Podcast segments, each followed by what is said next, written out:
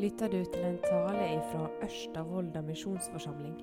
Om du vil vite mer om denne forsamlinga, kan du gå inn på øvm.no. Er dere klare til å gå videre? Ingen har sovnet ennå? Nei, da gjør vi det. Da går vi litt over til kapittel 11 i Romerbrevet. Og da har jeg kalt det avsnittet 'Israel og folkeslagene'. Hva er forholdet mellom Israel og oss? Og Da starter vi på en måte der vi sluttet. For Paulus spør altså har Gud forkastet sitt folk. Slett ikke. Og så begrunner Paulus det. Hvem er jeg, spør Paulus. Jo, jeg er en jøde som har kommet til tro på Jesus. Så nå er jeg ikke lenger jøde. Nå er jeg kristen. Det er jo ikke det Paulus sier. Tvert imot så henviser han jo nettopp til hvem han er. Jeg er en israelitt. Altså, jeg er jøde. Jeg er av Abrahams ett. Jeg er av Benjamins stamme. Gud har ikke forkastet sitt folk. Det folk han hadde vedkjent seg. Og så har vi altså lest disse kapitlene og hatt de på trykk i mange hundre år. Og så har vi tenkt annerledes. Det gikk ikke lang tid i Kirkens historie før Justin Martyr i sin dialog med jøden Tryfon sier det sanne åndelige Israel og etterkommer av Juda, Jakob, Isak og Abraham er vi som er blitt ledet til Gud gjennom den korsfestede Kristus. Det er vi, sier altså Justin, som ikke var jøde, men som hadde tilknytning til en by som i dag kalles for Nablus på Vestbredden, fordi hans far hadde vært romersk offiser der, og antageligvis gjennom det også skaffet seg noen jødiske venner. Men altså bare 150 år i vår tidsregning, en generasjon etter apostlene, så hører vi altså en tale om at vi, det er vi kristne, som er etterkommere etter Abraham, Isak og Jakob. Det er vi som har fått løftene. Og Så får vi dette uttrykket inn i vårt språkbruk. Kirken er det nye Israel. Så kan jeg jo spørre ja, hva mener en da med Kirken? Ja, Oftest når jeg leser det i denne sammenhengen, så blir Kirken motsetningen til Israel. Eller motsetningen til jødene. Men hvem var nå Peter og Johannes og Paulus? Var ikke de i kirken? Og var de ikke også jøder? Kirken, eller menigheten, ble ikke oppfunnet i grensen 19 eller Sinsenveien 15. Kirken vokste frem ut fra løftene til Abraham. Og så gikk det slik at ikke alltid var den like stor. Men Kirken i betydningen Guds menighet, Guds folk, den startet lenge før Misjonssambandet ble grunnlagt. Eller før Kinamisjonen startet, det er vel kanskje riktigere å si. Kirken er det utvalgte folk, og det, og det nye Israel. Det lydige folk, løftes folk. Med motsatt fortegn jødene er det ulydige folk. Jødene er det forkastede folk. Jødene er kommet inn under Guds dom, og vi er kommet inn under Guds velsignelse. Slik blir det både skapt en motsetning mellom jøder og ikke-jøder, men også et, eh, en, skal vi si, en negativ forståelse av hva det utvalgte folk, det jødiske folk i denne betydningen, er. Og Så vokste det frem det vi kaller antijudaisme. Altså En leste Skriften og forsto Skriften som et domsord over jødene. Og alt det som sto negativt om jødene, ble på en måte tolket som Guds egen dom. Og Det finnes jo mange domsord over ulydige jøder. Men det er jo fordi Skriften er blitt til i en jødisk kontekst. Hvis Gud hadde valgt Norge og åpenbart seg her og skrevet historien vår, tror jeg ikke den ville blitt særlig mer sympatisk. Det er noen som sier at det er ikke noe folk som har en så selvransakende biografi som det jødiske folk. Som ikke bare tar frem høydepunktene i historien, men som virkelig våger å være ærlig med sin egen historie. Men bare nå et, et par eksempler da, på hvordan kirkefedre som vi holder høyt, har omtalt jødene. Gullmunnen Johannes Krysostomos sier f.eks.: Bli ikke forbauset over at jeg kaller jødene elendige. For de er virkelig elendige og usle, de som bevisst har forkastet og avvist de mange goder som himmelen har gitt dem. Altså de godene som Paulus nevnte i Romerbrevet 9. Elendige, usle. Dette er ikke en beskrivelse på en og annen jøde, men på et helt folk som kom til å prege kirkens holdning til jødene. Eller Augustin, som også Luther satte høyt. Jødenes fornedring overalt står i kontrast til kirkens skjønnhet. Jødene blir altså motsetningen til kirken. Og Jeg snakket med en kirkeleder her for en stund siden som sa hvorfor i all verden skal jødene, altså de jesustroende jødene liksom holdes for seg selv? Kan de ikke bli en del av den palestinske kirke? da? Ja, men når disse kommer, og det skal feires gudstjeneste i Redeemer Church i Jerusalem på reformasjonsdagen, og der de leser Bibelen fra alle ulike språk, så spør vi kan også en som representerer de messianske jødene, få lov til å være med. Så sier han her kan vi ikke lese Bibelen på hebraisk, for det er politisk. Da er det ikke spørsmål om vi får lov, men da er det spørsmål om en avvisning. Her er det ikke plass til de messianske jødene, for de tilhører jo det folk som er forkastet. Og For å gå til vår egen hjemlige historie Hvordan leste f.eks. Ole Hallesby Skriften? Guds løfter gjaldt aldri Abrahams kjødelige etlinger, sier han i sin troslære. Derfor er det heller intet som forhindrer Herren fra å forkaste dem igjen, hvis de ikke er tjenlige for ham. Dette har sittet dypt inne, kanskje bevisst og kanskje ubevisst. Jeg sier ikke dette for å liksom fremheve at disse har tatt feil, og vi har rett i vår tid, for vi kan alle trå feil. Og Det er ikke så lenge siden vi fortsatt hørte uttrykket fra norske prekestoler om at det var jødene som tok livet av Jesus. Da sier lederen av synagogen til meg jeg har aldri tatt livet av Jesus. Jeg kjenner ham ikke og har aldri kjent ham. Hvordan kan du beskylde meg for å ha tatt livet av Jesus? Vel, selvfølgelig var jøder delaktige, og ikke minst deler av det jødiske lederskap aktive i prosessen mot Jesus. Selv om dommen falt av en romersk offiser eller leder. Men vi har alle sammen åndelig, i åndelig betydning vært delaktige i Jesu død.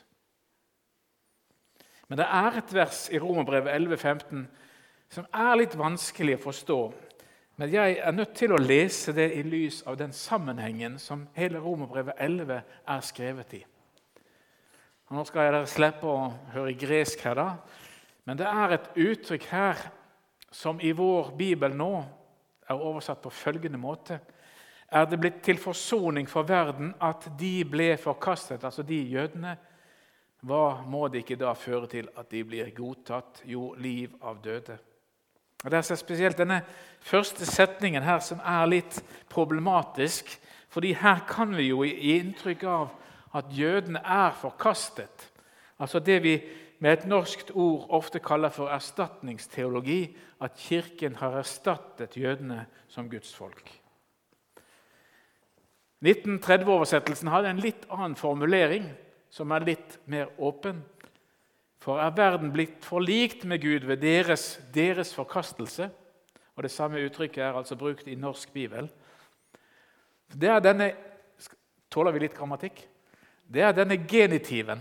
Deres forkastelse kan jo enten bety Guds forkastelse av Israel, men det kan også bety Israels forkastelse av Guds plan og Guds velsignelse.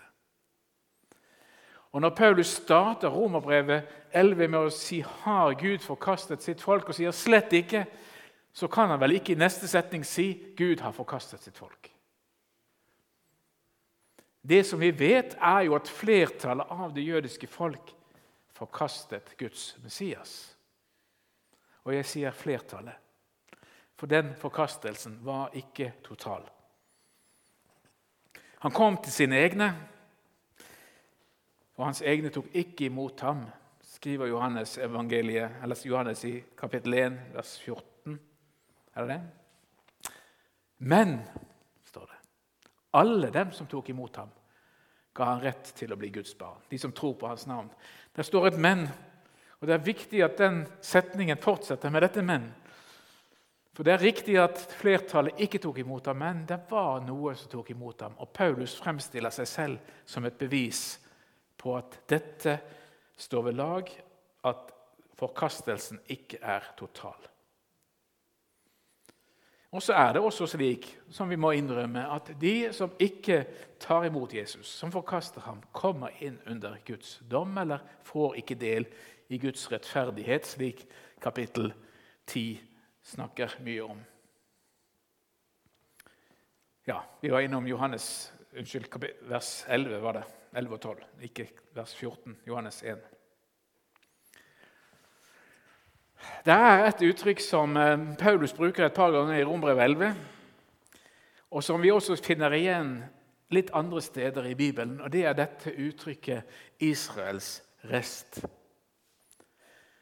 Paulus henviser til profeten Jesaja, kapittel 10, vers 22 og 23.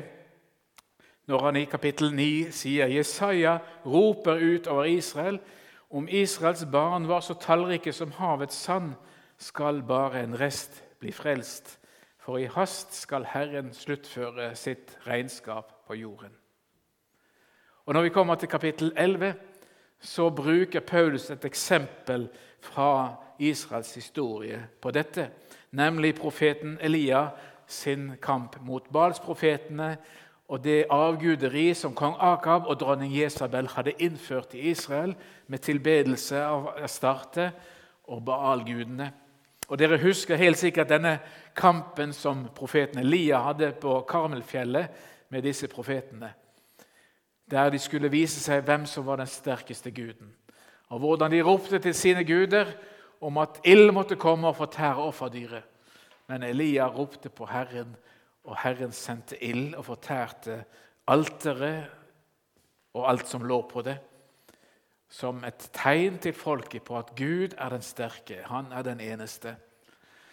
Og Da henvises det også her til denne historien når Paulus skriver i vers 4 i kapittel 11 Jeg har holdt 7000 mann igjen som ikke har bøyd kne for Baal. På samme måte, sier Paulus, er det også i vår tid blitt en rest igjen som Gud i sin nåde har utvalgt. Det som er viktig å understreke her, er altså at selv om altså Israel er det folket Gud har valgt ut, helliget, gjort til sin eiendom, så innebærer det ikke noen garantier for at alt skal gå bra. Men samtidig sier Paulus at Gud kan aldri svikte sin utvelgelse. Gud kan aldri svikte sin plan om vi svikter hans plan. Derfor er det alltid en rest tilbake, den lydige rest. Den utvalgte som Gud viser nåde mot, og som tar imot Guds løfter og Guds gaver. Og Dette er jo i og for seg ikke noe nytt, for slik har det gått gjennom hele Israels historie. Slik var det ved utgangen fra Egypt og ørkenvandringen. Slik var det i landet. Vi husker eh, Moses' sin siste store tale til folket. Han sier det er egentlig to veier som legges frem for dere nå. Det er velsignelsens vei, og det er forbannelsens vei. Og Paulus, nei, Paulus, ja, Moses taler profetisk og sier at 'jeg vet hvordan det kommer til å gå'. Når dere ute blant folkeslagene vender om, sier han, så skal jeg føre dere tilbake. Det sier altså Moses på vei inn i løftets land. Moses ser langt. Han vet at Israel vil miste sine fortrinn. De vil bli bort, utvist fra landet pga. sin ulydighet. Og så skjedde det. Riktignok ikke umiddelbart, men det skjedde. Der skal dere vende om. Og så skal Gud samle dere, føre dere hjem, føre dere tilbake. Men det er bare en rest igjen. Og et par eksempler til. Eh, Esekiel, som jo taler til folket, med folket i Babylon, han minner folket på hva historien forteller. De av dere som har unnsluppet sverdet, skal leve blant folkeslagene. Her ser vi altså et jødisk folk ute blant folkeslagene. Det skal spres omkring i landene, og de som har unnsluppet, skal huske på meg ute blant folkeslagene. De er bortført. Jeg lar en rest bli igjen, sier Esekiel. Ingen total utryddelse og ingen total dom. Gud vil bevare en rest i nåde. Og så er det en veldig sterk og gripende fortelling eh, noen århundre, er det et par århundrer før, der eh, asyrerkongen Sankrib gjorde en hærferd mot alle byene i Juda og Israel. Hiskia var konge. Han er jo den kongen som får godt skussmål. Sankrip har tatt den ene byen etter den andre og ender opp i Lakish. Der han også inntar og sender bud til Hiskia og sier nå kommer jeg. Nå kan du velge. Du kan slå lag med meg og glemme egypterkongen. Slå lag med meg, så skal alt gå vel med deg. Bare overgi det til meg. Og Iskia gjør alt han kan med å gi ham gaver og gull og alt det som er fra tempelet. Men det som jo skjer, er at Sankrip han er ikke interessert i gullet, først og fremst, han er interessert i Jerusalem. Og Han kommer til Jerusalem og sier nå, nå og disse vokterne og tjenerne fra kongens hoff kommer og får høre det at nå skal jeg innta Jerusalem. Og de går til Hiskia. Og hva skal Hiskia si? Her står det en stor hær rundt byen, og han har ikke folk. Han går inn i fasten. Han flerrer sine klær, kler seg i aske, ber til Gud. Skal jeg svikte? Skal jeg overgi? Det ender jo med at han sender bud til profeten Jesaja og spør kan du gi meg et råd. Og Det rådet Hiskia får, det er at vær ikke redde. Herren er den sterke. Han skal ta vare på deg og beskytte deg. Og Kong Sankri ler jo av dette og syns at dette her er jo en underlig historie. Hvordan i all verden kan han overvinne meg? Det er jo Mange som har sagt det tidligere, sier Sankreb. De har henvist til sine guder, men har ikke, de har jo ikke hjulpet dem. Er Herren sterkere? Ja, Herren er sterkere. Og Så blir det jo forvirring, vet vi, og Sankrib og hans hær må rømme og, og byen spart. Men det, det, ordet som Hiskia får fra profeten Jesaja, er altså dette. Den rest, den rest av Judas hus som blir berget, skal igjen skyte dype røtter. Greinene skal bære frukt. For fra Jerusalem kommer en rest. Fra Sionfjellet en flokk som er berget. Herren skal gjøre dette i sin brennende iver. Jeg vet ikke om du hører noe i disse versene her som vi finner igjen i Romerbrevet kapittel 11. Eller for så vidt i Jesu tale, den siste talen hans. Jeg, dere har ikke utvalgt meg, men jeg har utvalgt dere for at dere skal bære frukt, sier Jesus. Det er denne resten som sitter rundt påskemåltidet og får vite at dette er mitt, min kropp og mitt blod, som utøses for dere til syndenes forlatelse. Det er de som er satt til å gå ut og bære frukt. Og så skal altså disse være et nytt, eller et tre, som får ny, ny kraft fra rødt, dype røtter. Og det kommer vi til om en liten stund. Nemlig til Romerbrevet kapittel 11. For der er det jo også tale om et tre, er det ikke det? Der er det tale om et oliventre som nettopp er plantet med dype røtter. Dette treet er, sier Paulus, Israel. Og Hvis det er slik, sier han, at det første brødet er hellig, er hele deigen hellig. Slik må det jo også være med treet. Er roten hellig, er også greinene det også. Ja, Nå er det kanskje litt rart å omtale en trerot som hellig. Men dette er jo et bilde på Israel, som er det hellige folk. Som, er, som har sine røtter plantet i Guds kall og Guds utvelgelse og Guds oppdrag. I den forstand har Gud tatt det til side og gjort det hellig. Han har innlemmet det i sitt eget fellesskap, i sin egen relasjon. Og sier hvis det er slik, så må jo også greinene være hellige, utvalgte til å bære frukt. Men så skjer altså det at noen av greinene er brukket av. De mangler, de mister denne livsforbindelsen til kraftkildene, til røttene. De visner, og de blir hugget av. Det eneste de duger til, er ved til å brennes. Inge, ikke noe liv lenger. Ikke noe kraft lenger. Fordi de har mistet forbindelsen med Han som gir næring, som gir kraft. Men, sier Paulus, og nå henvender han seg altså til denne menigheten, der flertallet er ikke-jøder i Rom. For Gud har en plan som går utover dette. Han sier, 'Husk på at du, som ikke tilhørte dette treet, du som var et vilt tre, en vill oljekvist er blitt podet inn blant greinene og har fått sevje fra roten sammen med dem. Det er fortsatt greiner på dette treet som tilhører det opprinnelige treet. Det er ikke slik at Gud så å si hugger hele treet ned, og det bare står stammen igjen. Men han tar vekk de greinene som ikke bærer frukt. Og så poder han inn de som er ville, og så bærer de frukt. Sammen med de andre. Men fordi det er slik, sier altså Paulus, innbill deg ikke at du er bedre enn greinene. Gjør du det, så husk at det ikke er du som bærer roten, men det er roten som bærer deg.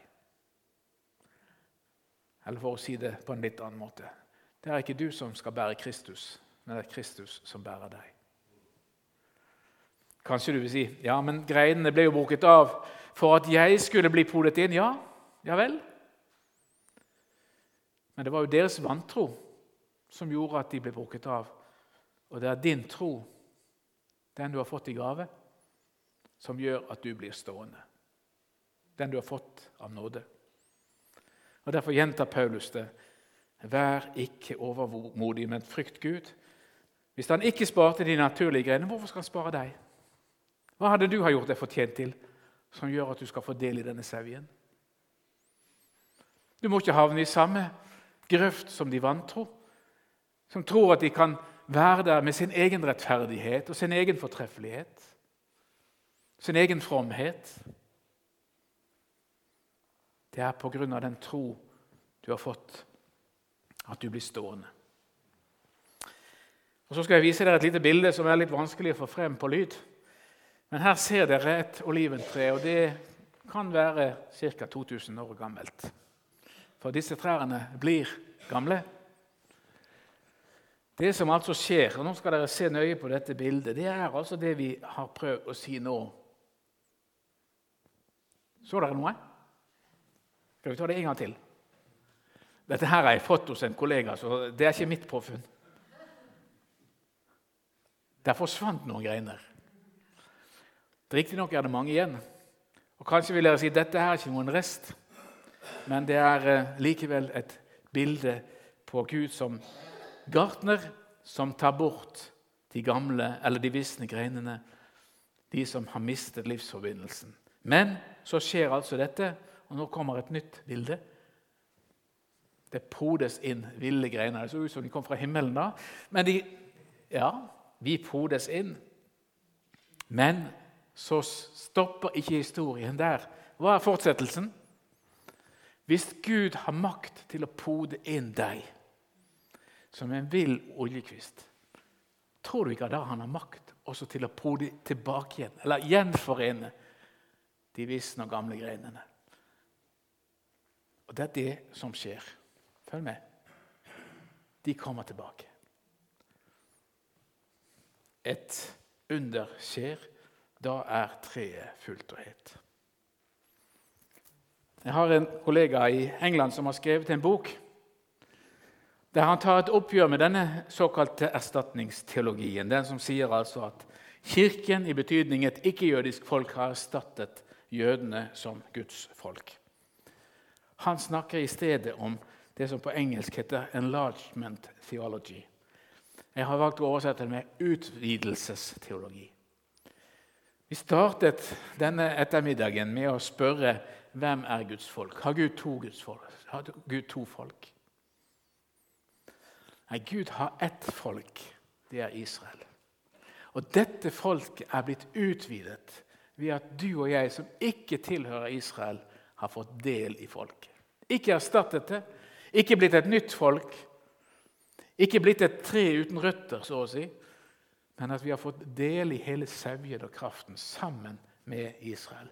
Derfor står vi i takknemlighetsgjeld til det jødiske folk, som har gitt oss evangeliet. Og Derfor sier vi i Israelsmisjonen at vårt mål det er å gi evangeliet tilbake til jødene, som først har fått det. Enlargement, utvidelsesteologi. Vi er, og For å liksom gå fra bildet i romerbrevet til en mer sånn teologisk beskrivelse av dette, i Efeserbrevet. For Paulus er inne på akkurat det samme der. Når han sier at Husk på hvem dere er, dere som ikke er jøder. Dere var utestengt fra borgerretten i Israel. Dere var uten håp og uten Gud i verden. Det er din og min situasjon.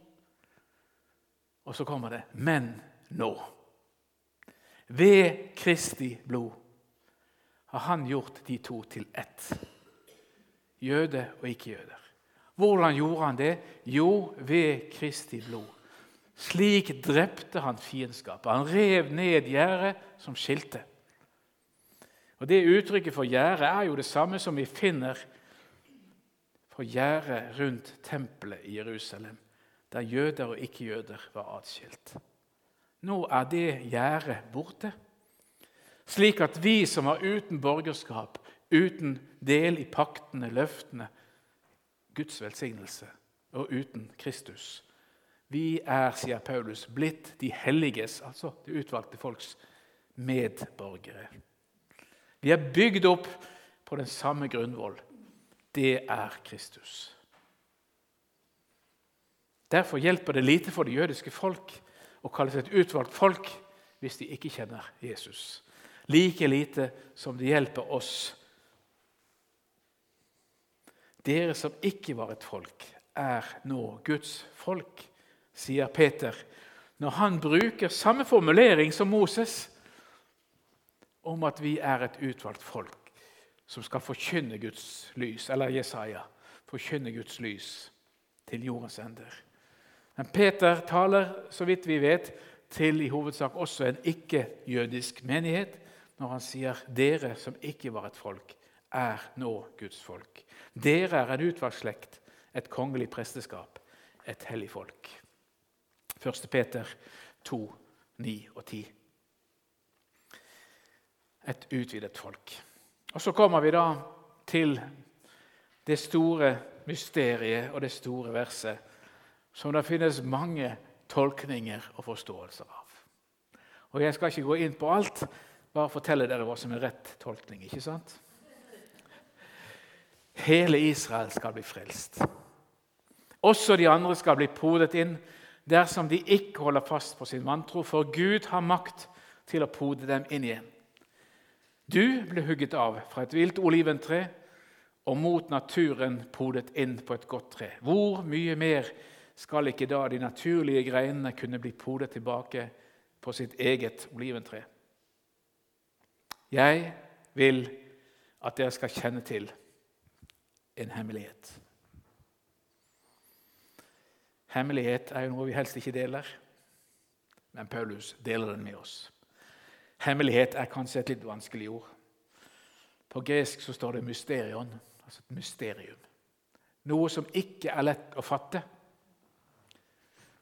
Noe som er skjult, men som likevel er åpenbart. For Paulus skriver i Efeserbrevet at Gud har åpenbart hemmeligheten for meg. Denne hemmeligheten den gir han oss del i for at vi ikke skal ha for høye tanker om oss selv. En del av Israel og her kommer en del av Israel, er blitt forherdet inntil hedningen er kommet inn i fullt tall. På denne måten skal hele Israel bli frelst, slik det står skrevet. Fra Sion skal redningsmannen komme. Han skal ta bort gudløsheten fra Jakob. Dette er min pakt med dem når jeg tar bort syndene deres. Hvilken pakt er det? Hva er hemmeligheten? Hvem er Israel i denne sammenhengen? Jo, Noen vil si at ja, dette er jo det nye Israel. Dette er kirken. Det er hele kirken som skal bli frelst. Men da snakker Paulus om Israel i versene foran om noe annet. For der er det åpenbart at det dreier seg om det fysiske Israel, det jødiske folk. Så Derfor er det litt kunstig å lese noe annet inn i Israel i neste vers. Altså som en ikke-jødisk størrelse. Som et synonym på et annet folk. Vi kan lese det som en beskrivelse av det utvalgte folk, det utvidede folk. Altså både jøder som er kommet til tro, og ikke-jøder. Men vi finner også dette uttrykket 'hele Israel' i rabbinske skrifter, i rabbinsk litteratur. Og Da brukes det ofte om det jødiske lederskap. Hele Israel representert ved de jødiske lederne.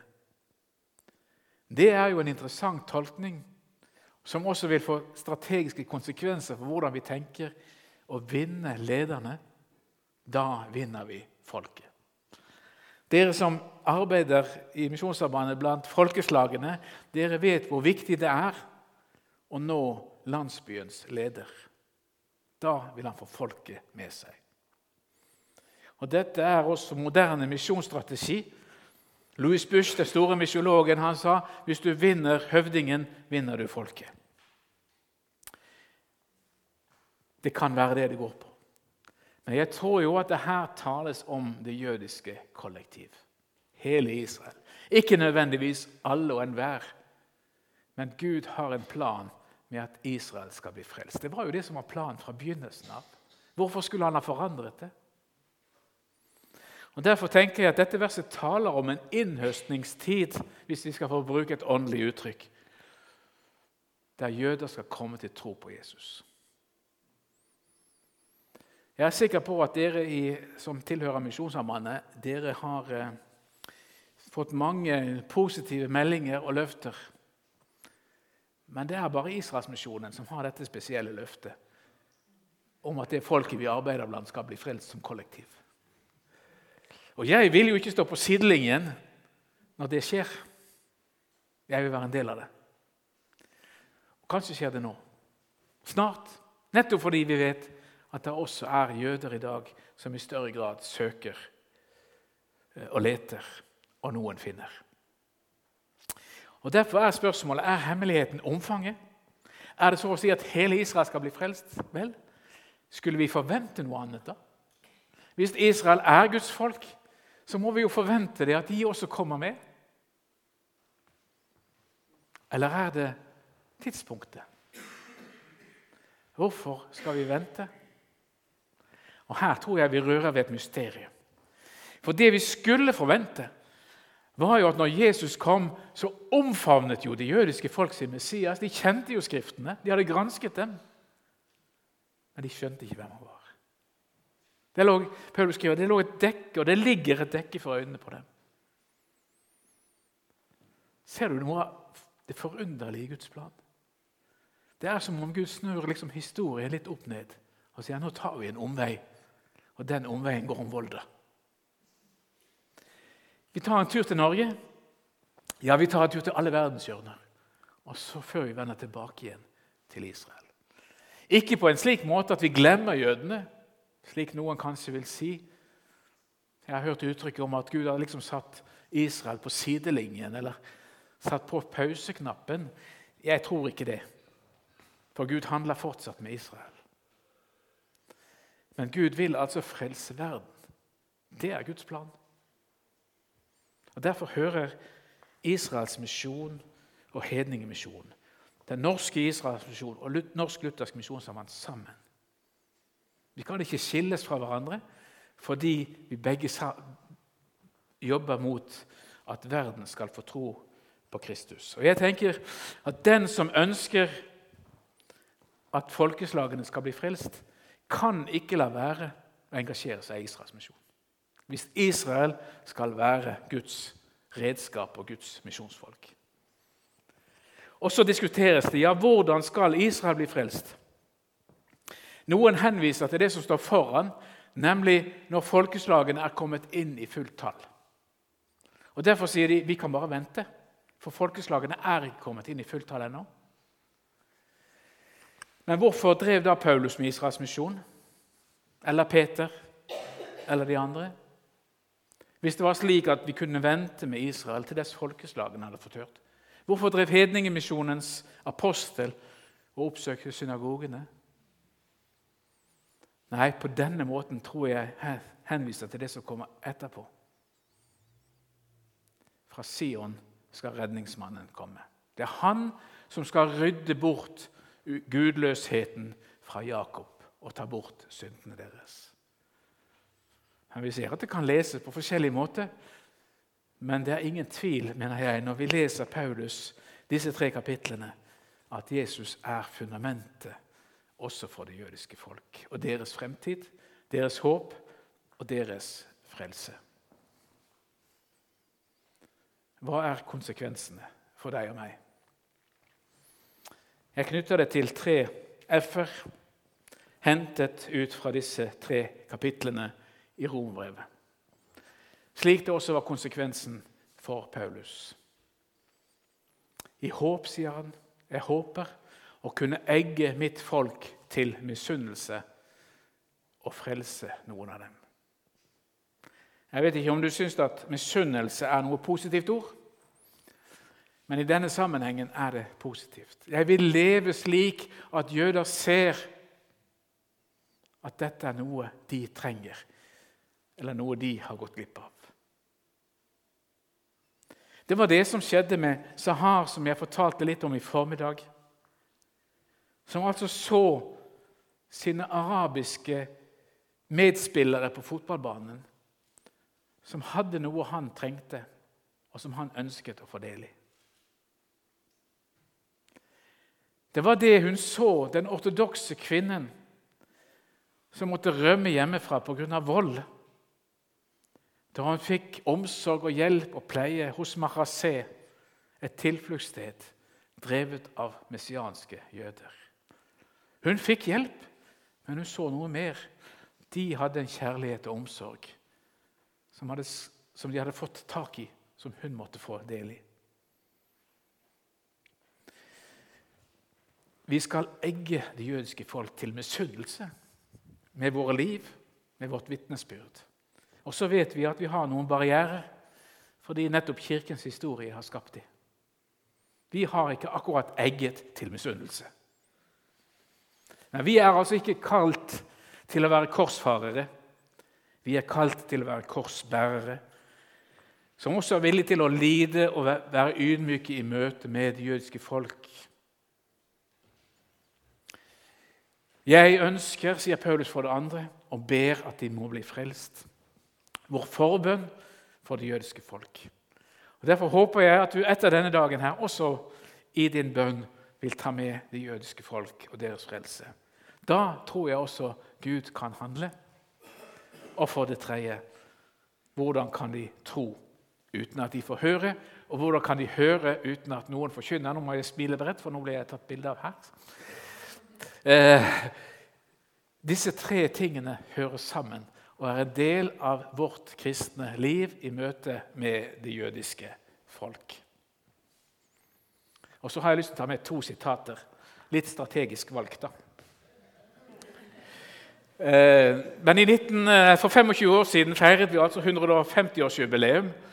Og Da skrev alle generalsekretærene i OF-organisasjonene som det het den gangen, en hilsen til Den norske Israels misjon, og bl.a. undertegnet av Egil Grandhagen. Vi, sier de, kjenner en hellig forpliktelse til å vise solidaritet med det jødiske folk. Fremfor alt ved i ydmykhet og takk og bære vitnesbyrdet om jøden Jesus, Israels vår Messias, tilbake til det folk vi har mottatt det fra. Det er altså generalsekretærene som sier at vi har del i denne forpliktelsen. Og Det sier generalene til sitt folk. Derfor sier de også videre vi vil inkludere det bibelske perspektiv for jøder først i vår misjonstenkning og oppmuntre alle misjonsvenner i vårt land til å huske på vitnesbyrdet til Israel i sine bønner og omsorg. Også for dere snakke sammen om hvordan det kan skje i deres menighet, i deres sammenheng. Og For å ta med et helt ferskt sitat, eller forholdsvis ferskt sitat fra Øyvind Aasland alle kristne har et ansvar for å gjøre evangeliet kjent for jøder. Israelsmisjonen er en organisasjon som tar dette kallet på alvor. Og Da Øyvind har får besøk av ivrige israelsvenner i sin egen organisasjon som sier vi må starte opp arbeid i Israel, svarer Øyvind Aasland, i hvert fall det han sier til meg, det gjør Israelsmisjonen på våre vegne. Og Derfor er vi glad for det gode samarbeidet som vi har også med Misjonssambandet. Eh, først og fremst ved at vi deler en felles nød for Israel og for verden, men også fordi de på denne måten ser at dette arbeidet er viktig. Og så helt til slutt Fra Romerbrev 15, som dere ikke er kommet riktig til ennå i studiene her på huset. Men Paulus sier til oss Kristus ble en tjener for de omskårne for å vise at Gud taler sant for jødene. Og for å stadfeste løftene til fedrene. Altså ikke oppheve dem, men bekrefte dem. Men også for at hedningefolkene skal ære Gud for hans barmhjertighet, som det står skrevet. Derfor vil jeg prise deg blant folkene og lovsynge ditt navn. Og videre heter det:" Gled dere, folkeslag, sammen med Hans